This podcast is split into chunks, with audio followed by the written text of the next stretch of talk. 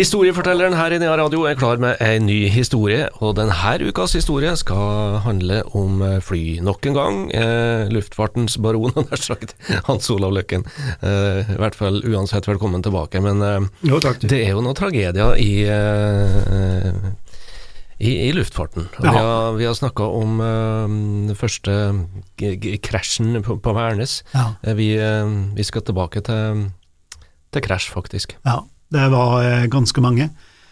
Eh, bare for å eh, komme med et tall, som kanskje skremmer noen, så er det slik at de første 20 årene etter krigen, altså de første 20 årene fredstid etter krigen, så mista vi altså 195 crew members.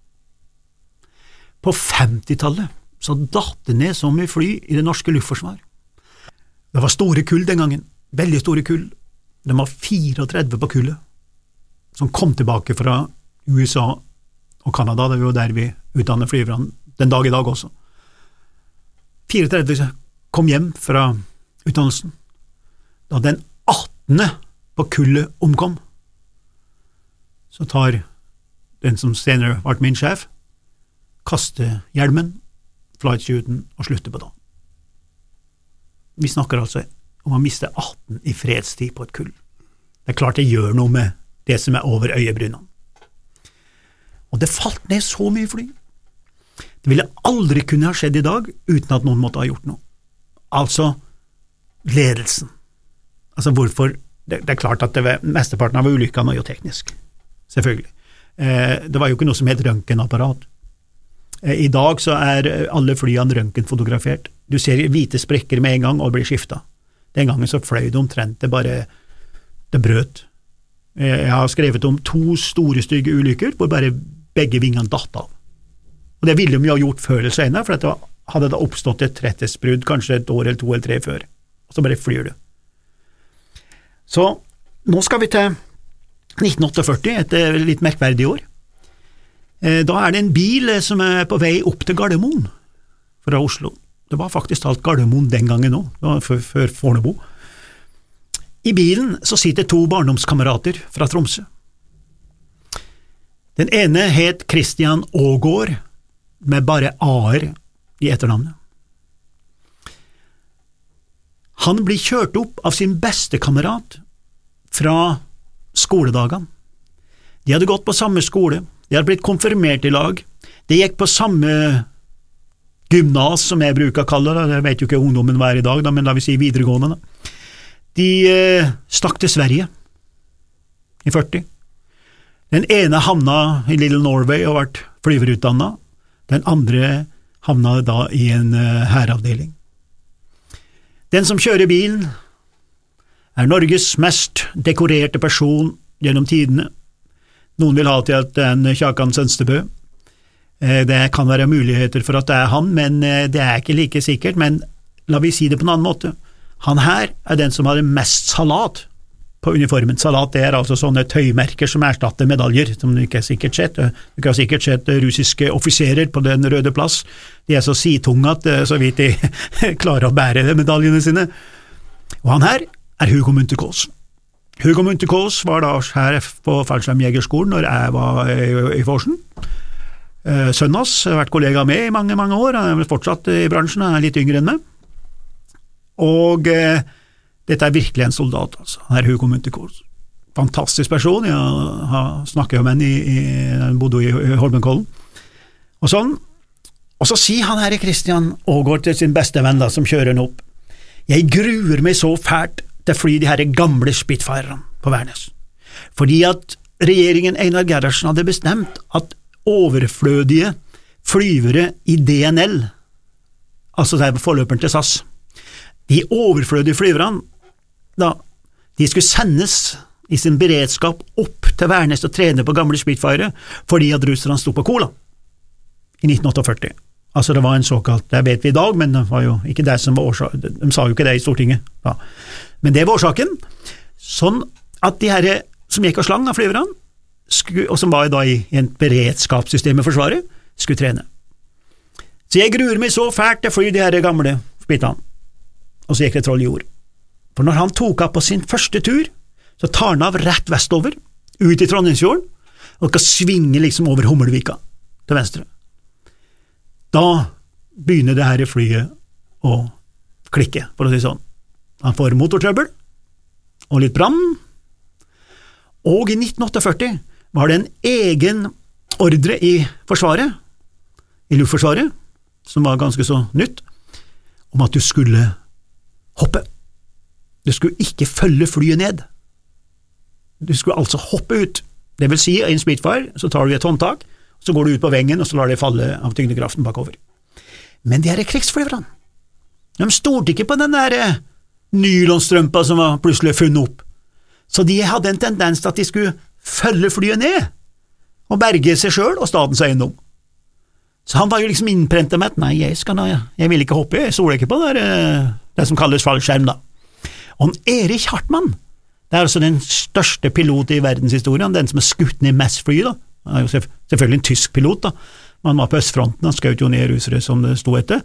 Han skjøt ned 352 fly. Og han ble skutt ned elleve ganger sjøl, og ti av dem så fulgte han flyet ned. Og det er godt gjort å overleve ti nødlandinger, altså, for det er liksom ikke bare å lande eh, på potetjorda, altså. Så han her, Christian Aagaard fra Tromsø, da, han bestemmer seg, jeg skal nå sannelig komme meg tilbake til rullebanen, så han vrir flyet til venstre, og min sjef, en annen sjef jeg har hatt her, han står og ser på, for han fløy også Spitfire den gangen, da, og ble min første sjef i, i, i denne bransjen, han het Bjarne Djupvik, fantastisk personlighet. Han står og ser på alt det her, og så tenker han nå må han jo hoppe, for flyet begynner å brenne. Men han valgte fly forbi Lonkekirka, fløy mot Hegra, for så å komme inn på finalen ved Værnes kirke. Det skulle han selvfølgelig aldri gjort, for et fly som brenner, det brenner jo helt til det eksploderer. Men han trodde han hadde muligheter til å klare det. Så kommer han midt over ei evje, ei grøft, på Karsten Reitans eiendom, på finalen med Harald Reina skole på Stjørdal. Og Karsten Reitan var da bonden på den gården, som da er far til Karsten Reitan, som er rådmann i Selbu, og som er overtatt hjemme, da. Så han herre, Kristian Aagaard, han kommer over akkurat den grøfta. Den grøfta den ser du den dag i dag. Den er der, stor, djup, over hele jordet, og der eksploderer flyet.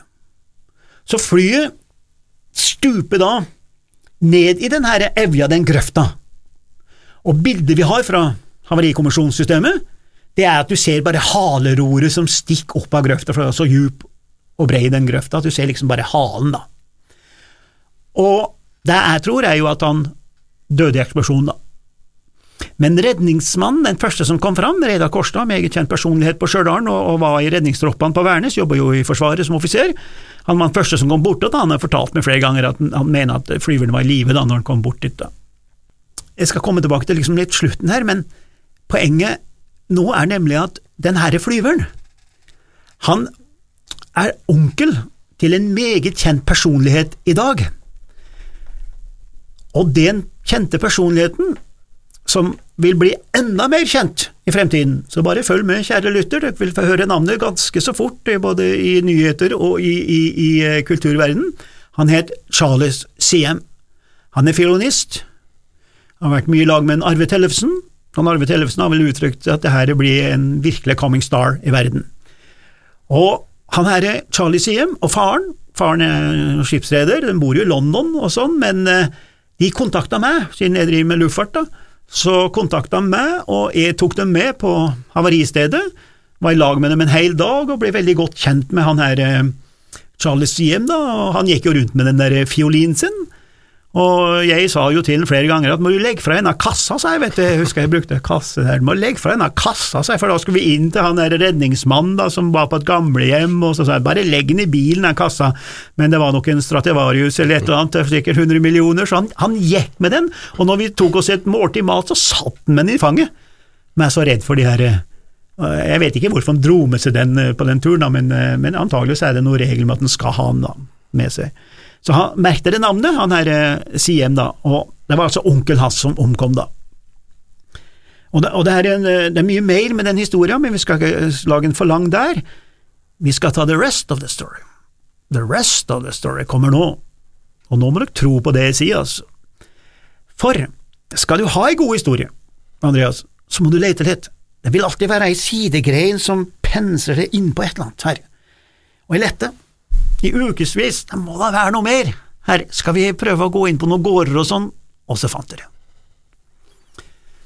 100 år tidligere, vi skriver altså 1948, nå går vi 100 år, nesten 100 år tidligere, så er det en eh, bonden på Hognes gård. Hognes gård er da nest største gården, det er ikke mye igjen i dag, da, men det var den nest største gården på Stjørdal, og det er altså ved Haraldreina der. Store, flater. nå driver med selv biler og noen campinghytter og litt sånn, jeg vet ikke hva han holder på med.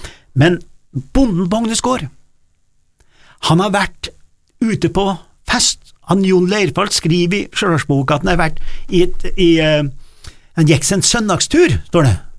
Ja. Men det er ikke rett, han har vært i et svirlag, har jeg funnet ut, og da, det vil si at du har vært på ja, skal vi si det bent ut, da, han har vært på fylla, antagelig. Og han kommer da, tidlig om morgenen, etter den festen, over de her jordene til en Karsten Reitan med Harald Reina der, og grua seg fælt til å komme hjem med kjerringa, vet du. Så han skulle da mannes seg opp. Begynte å blåse litt øh, vind der, og kanskje frausen litt, og nå har han bare igjen øh, en kort kilometer bort til våningshuset. da. Så han går ned i den der evja til en Karsten Reitan på jordet for å slappe litt av, og for å manne seg opp. Nå var han jo i, øh, i, i synsvidde av uh, kjerringa. Kanskje sto hun allerede på, på, uh, på trappa med kjevle klart, ikke sant? Du, du ser, jeg ser for meg at nå ser Ja, ja, ja. kjerringa står der uh, klar til banken, og han blir, jeg var kanskje en pusling og, og, og gikk ned for å, hvile seg og, og manne seg opp. Og han setter seg på den steinen der nede, og det er den samme stein som vår flyver 100 år etterpå, Christian Aagaard fra Tromsø med bare a-er i, der, omkom på.